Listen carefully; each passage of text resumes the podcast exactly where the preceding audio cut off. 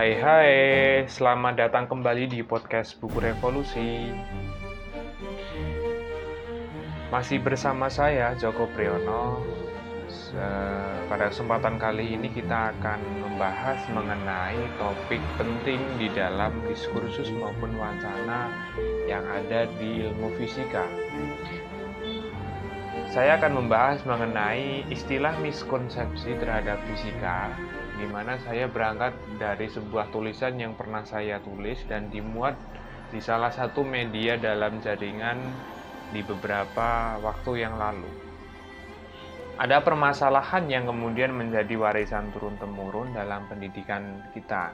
Salah satunya adalah prasangka terhadap mata pelajaran yang diberikan kepada peserta didik dalam sistem pendidikan. Bukan satu atau dua, melainkan dari itu sederet nama mata pelajaran yang diidentikan sebagai sebuah hal yang mohon maaf, menjijikan dan memuakkan, mulai dari matematika, kimia, statistika, biologi, bahkan fisika. Gejala tersebut juga menghampiri di banyak kalangan yang dapat dikatakan bergelut di masing-masing bidang, baik itu kalangan pelajar, mahasiswa, dan lain sebagainya. Kita pasti paham dan sering menjumpai bagaimana stigma maupun klaim mengenai beberapa mata pelajaran yang saya sebutkan di atas bagi beberapa orang atau bahkan banyak orang e, dikesankan sebagai mata pelajaran yang sangat begitu sulit karena dengan mungkin banyaknya perhitungan, banyaknya rumus, yang seolah-olah ketika sudah menyebut istilah matematika, istilah fisika, istilah kimia itu sebagai sebuah hal yang sangat begitu sulit sekali. Fenomena tersebut tentu saja melahirkan sederet pertanyaan yang perlu dijawab bersama baik dari para pengamat pendidikan, pengajar maupun keberadaan peserta didik dalam menjalankan habitusnya. Padahal sejatinya kita ketahui bersama, misalkan ini fisika yang termasuk cakupan dalam keilmuan sains tak dapat ditampik akan menjadi bagian penting dalam perkembangan dunia dalam hal ini adalah peradaban secara luas. Keberadaannya terus dapat menjadi penopang akan inovasi maupun temuan baru eh, mengenai keberadaan teknologi untuk kemajuan dan kehidupan umat manusia. Satu hal yang menjadi akar dari permasalahan tersebut adalah terkait mengenai keberadaan dari miskonsepsi. Nah, sebenarnya apa sih miskonsepsi itu sendiri? Miskonsepsi pada umumnya dapat dimaknai sebagai salah konsep yang menyebabkan ketidaksesuaiannya dengan pengertian ilmiah atas teori, ide, maupun gagasan terhadap keberjalanan ilmu pengetahuan salah satu pengamat pendidikan dan juga praktisi pendidikan Paul Suparno menganalisis fenomena tersebut dalam sebuah bukunya yang berjudulkan Miskonsepsi dan Perubahan Konsep dalam Pendidikan Fisika. Buku ini pernah diterbitkan oleh Grasindo pada tahun 2005 silam. Kendati eh, hanya menyespesifikasikan miskonsepsi-miskonsepsi yang sering kali terjadi dalam perkembangan ilmu fisika, namun sejatinya banyak gagasan yang dituliskan oleh Paul Suparno dapat digeneralisasikan pada ilmu-ilmu lainnya. Yang tentu saja adalah terkait mengenai rumpun keilmuan sains secara umum. Dan gagasan-gagasan Paulus Suparno masih relevan hingga saat ini sebagai bahan refleksi maupun kerangka untuk mencari uh, berbagai jalan keluar dari keberadaan miskonsepsi ini. Miskonsepsi pada kenyataannya lahir dari hal-hal yang sederhana baik itu dalam rangkaian tatap muka belajar dan mengajar, keberadaan buku teks penopang pembelajaran hingga kontekstualisasi ilmu dalam perkembangan zaman. Nah, di sini menyiratkan bahwasanya perkembangan ilmu tentunya menyaratkan penyesuaian terhadap zaman. Jadi ilmu harus uh, dikontekstualisasikan dengan situasi dan perkembangan zaman ya. Dalam hal ini ilmu tidak boleh stagnan. Teori-teori yang ada uh, akan harus ada pembaruan-pembaruan. Uh, tidak bisa hanya stagnan keberadaan ilmu itu. Nah, sementara itu ada sebuah buku yang juga membahas mengenai miskonsepsi. Uh, buku ini merupakan bunga rampai yang berjudul Pendidikan Sains yang Humanis. Nah, buku ini diterbitkan pertama kali oleh penerbit Canisius pada tahun 1998 di sana ada salah satu tulisan dari guru besar fisika sekarang ya, guru besar fisika di UKSW dan uh, sosok yang sering menulis mengenai sains populer, Pak Lek Wilarjo. Pak Lek Wilarjo menuliskan artikel berupa uh, berjudulkan cercah pandangan tentang pengajaran sains di mana Pak Wilarjo menekankan akan keberadaan miskonsepsi itu justru diawali sebuah prakonsepsi yang keliru. Nah, jadi uh, ad, agak agak beda konsepnya ya se, se, seperti sebe, uh, apa itu atas apa yang tadi uh, teori dari Paulus Suparno ya. Nah, Lek Wilarjo uh, memiliki memberikan pengertian yang ditekankan pada tulisannya bahwasanya miskonsepsi itu diawali sebuah prakonsepsi yang keliru. Nah, artinya apa? Artinya miskonsepsi kemudian adanya miskonsepsi itu kemudian melahirkan miskonsepsi baru. Jadi sebelum adanya sebuah miskonsepsi yang baru, eh, ini sudah diawali sebuah miskonsepsi yang sebelumnya. Dalam hal ini adalah miskonsepsi yang lama ya. Ia mencontohkan keberadaan buku, misalkan adalah keberadaan buku yang digunakan sebagai penopang kegiatan belajar itu terkesan jelek dan ditulis oleh guru yang mengidap miskonsepsi. Dalam hal ini, buku-buku yang barangkali digunakan untuk referensi itu banyak kesalahan, banyak bias pengetahuan yang hadir, yang itu menyangkut mengenai ide maupun teori dan gagasan secara praksis. Nah, pada akhirnya uh, disimpulkan buku yang sejatinya memiliki fungsi membuka cakrawala pengetahuan justru menjadikan peserta didik kepada hal yang tidak ilmiah dan terjauh dari aspek-aspek sains. Nah, ini saya kira kan kita menghadapi bersama kerap kali juga banyak buku-buku itu yang tidak sesuai dengan uh, gagasan teori secara umum. Nah, Lanjut, masalah-masalah yang melahirkan miskonsepsi itu sebenarnya kerap ditemui dalam sehari-hari, seperti di antaranya, ini saya mencontohkan adalah pemaknaan terhadap keberadaan matematika, yang kadang dianggap sebagai sebuah momok penuh angka dan rumus yang membuat mudah menyerah hingga dalam keberadaan gaya kepenulisan dalam buku teks pelajaran yang tak memperhatikan daya tangkap tingkatan peserta didik dalam pemahaman. Dalam artian, banyak buku teks yang kenyataannya ditulis dengan bahasa yang terkesan tinggi tanpa memperhatikan akan siapa yang nanti mengkonsumsi.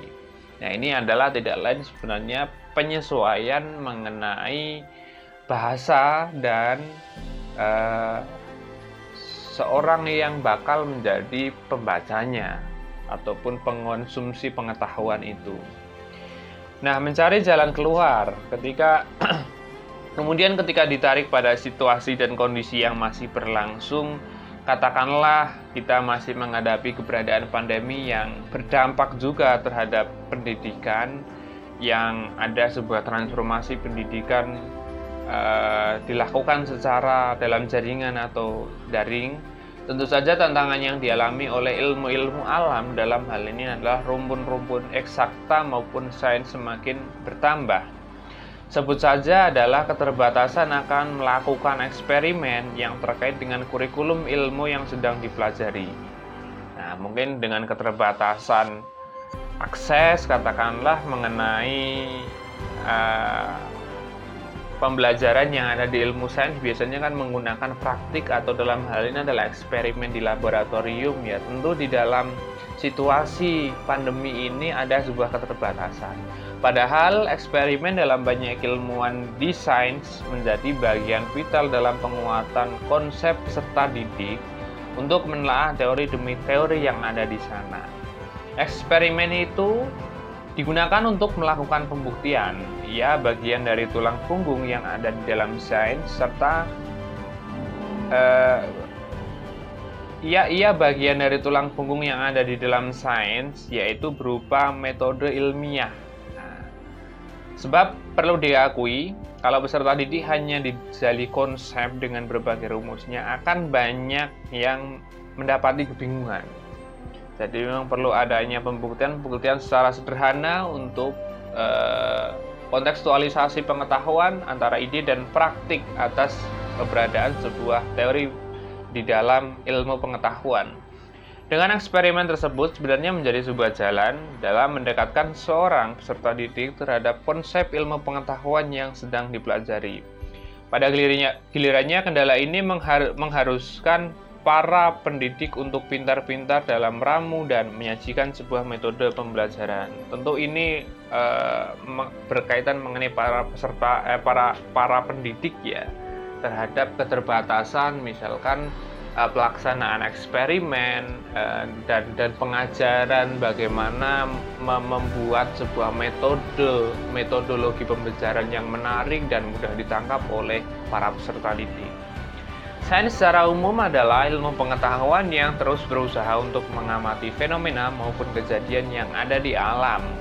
Ia dalam keperjalanannya bergantung pada keberadaan matematika. Nah, ini persoalan keberadaan matematika kenapa sering kali digunakan menjadi uh, apa ya mata pelajaran keilmuan yang tidak akan terlepas dari mata mata pelajaran yang ada di sains secara umum karena Matematika ini fungsinya sebagai sebuah bahasa untuk melakukan abstraksi pengetahuan terhadap realitas yang dikaji uh, oleh ilmu pengetahuan kepada uh, apa itu peristiwa maupun kejadian yang ada di alam semesta. Nah, matematika menjalankan fungsi abstraksi dengan wujud aksioma dan teorema dari serangkaian proses pengamatan yang dilakukan. Di hari-hari terakhir, memang banyak ilmuwan mengenalkan sains melalui pengembangan dalam bahasa populer, bahasa yang mudah dipahami oleh kalangan umum. Namun untuk mendalaminya juga diperlukan kemauan dalam memahami konsep fisika. Nah, dalam penyampaian mengenai bahasa ya, bahasa sains, kita kenal juga ada ada terminologi mengenai sains populer yang itu ditujukan kepada para pembaca awam yang tidak memahami ataupun tidak memiliki perhatian penuh mengenai sains secara umum. Cuma memang eh, kita juga tidak sebatas bagaimana memiliki tanggung jawab katakanlah sebagai seorang saintis ya untuk banyak menghasilkan karya-karya yang bersifat sains populer tapi melainkan dari itu secara mendasar uh, memahami matematika sebagai bahasa tadi ya itu kan bagian penting juga yang harus dikuasai ya. Apalagi mengingat hakikat dari keberadaan cabang-cabang ilmu pengetahuan yang ada di dalam sains tidak bisa dilepaskan tadi tidak bisa dilepaskan dengan keberadaan matematika tadi. Nah kemudian ada peristiwa menarik dalam keperjalanan keperjalanan dari gagasan-gagasan mengenai uh, penyampaian media di dalam ilmu pengetahuan sains ya.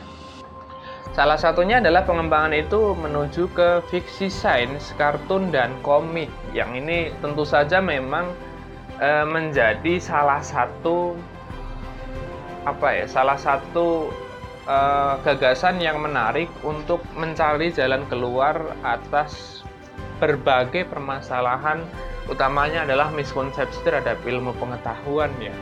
Untuk lebih bagaimana seorang itu tertarik dalam keilmuan tertentu. Misalkan di antaranya adalah fiksi sains, kartun, dan komik. Nah, banyak saintis yang menyajikan pemahaman keilmuan sains, ilmu-ilmu sains itu dalam bentuk karya eh, berupa fiksi, kartun hingga komik. Nah, ambil contoh beberapa contoh ini adalah karya ahli astronomi dari Amerika Serikat Carl Sagan yang berjudulkan Kontak. Eh, buku ini diterjemahkan oleh penerbit Gramedia ya yang mana lewat novel tersebut Sagan memperkenalkan perkembangan astronomi terkini hingga kemungkinan ada penjelajahan ke alam semesta dengan konsep SETI, Search for Extraterrestrial Intelligence, atau pencarian mengenai kehidupan ekstraterestrial di luar angkasa. Di luar Sagan sebenarnya sudah ada beberapa ilmuwan lain ya, ada ilmuwan lain yang juga uh, dikenal sebagai penulis fiksi sains. Di antaranya adalah Alan Lickman. Alan Lickman ini merupakan fisikawan dari MIT yang men pernah menulis dua novel fiksi terkenal ya. Masing-masing judulnya adalah Mimpi-mimpi Einstein dan Reuni. Buku ini sejatinya merupakan uh, telah diterjemahkan di dalam bahasa Indonesia. Kemudian dalam bentuk kartun maupun komik, eh, kita akhir-akhir ini mungkin ketika eh, berangkat ataupun pergi ke toko buku menjumpai banyak eh, ilmuwan ataupun mengenai banyak penulis yang yang coba menawarkan gagasannya mengenai sains dalam bentuk komik. Seperti di antaranya ada Larigonic berupa kartun riwayat peradaban yang sejumlah tiga jilid Kemudian ada Max Willis menyusun kartun genetika, kolaborasi dengan Wolcott Smith melahirkan kartun statistika, kemudian bersama Art Huffman menulis kartun fisika, serta bersama Craig Riddle melahirkan kartun kimia. Masing-masing buku tersebut eh, masing-masing uh, apa itu dalam bentuk kartun tersebut kalau tidak salah diterjemahkan juga di penerbit Gramedia. Nah, melihat realitas seperti itu tentu ada sebuah pergeseran paradigma dalam keberadaan media pembelajaran tentu menjadi warna baru dalam perkembangan ilmu pengetahuan.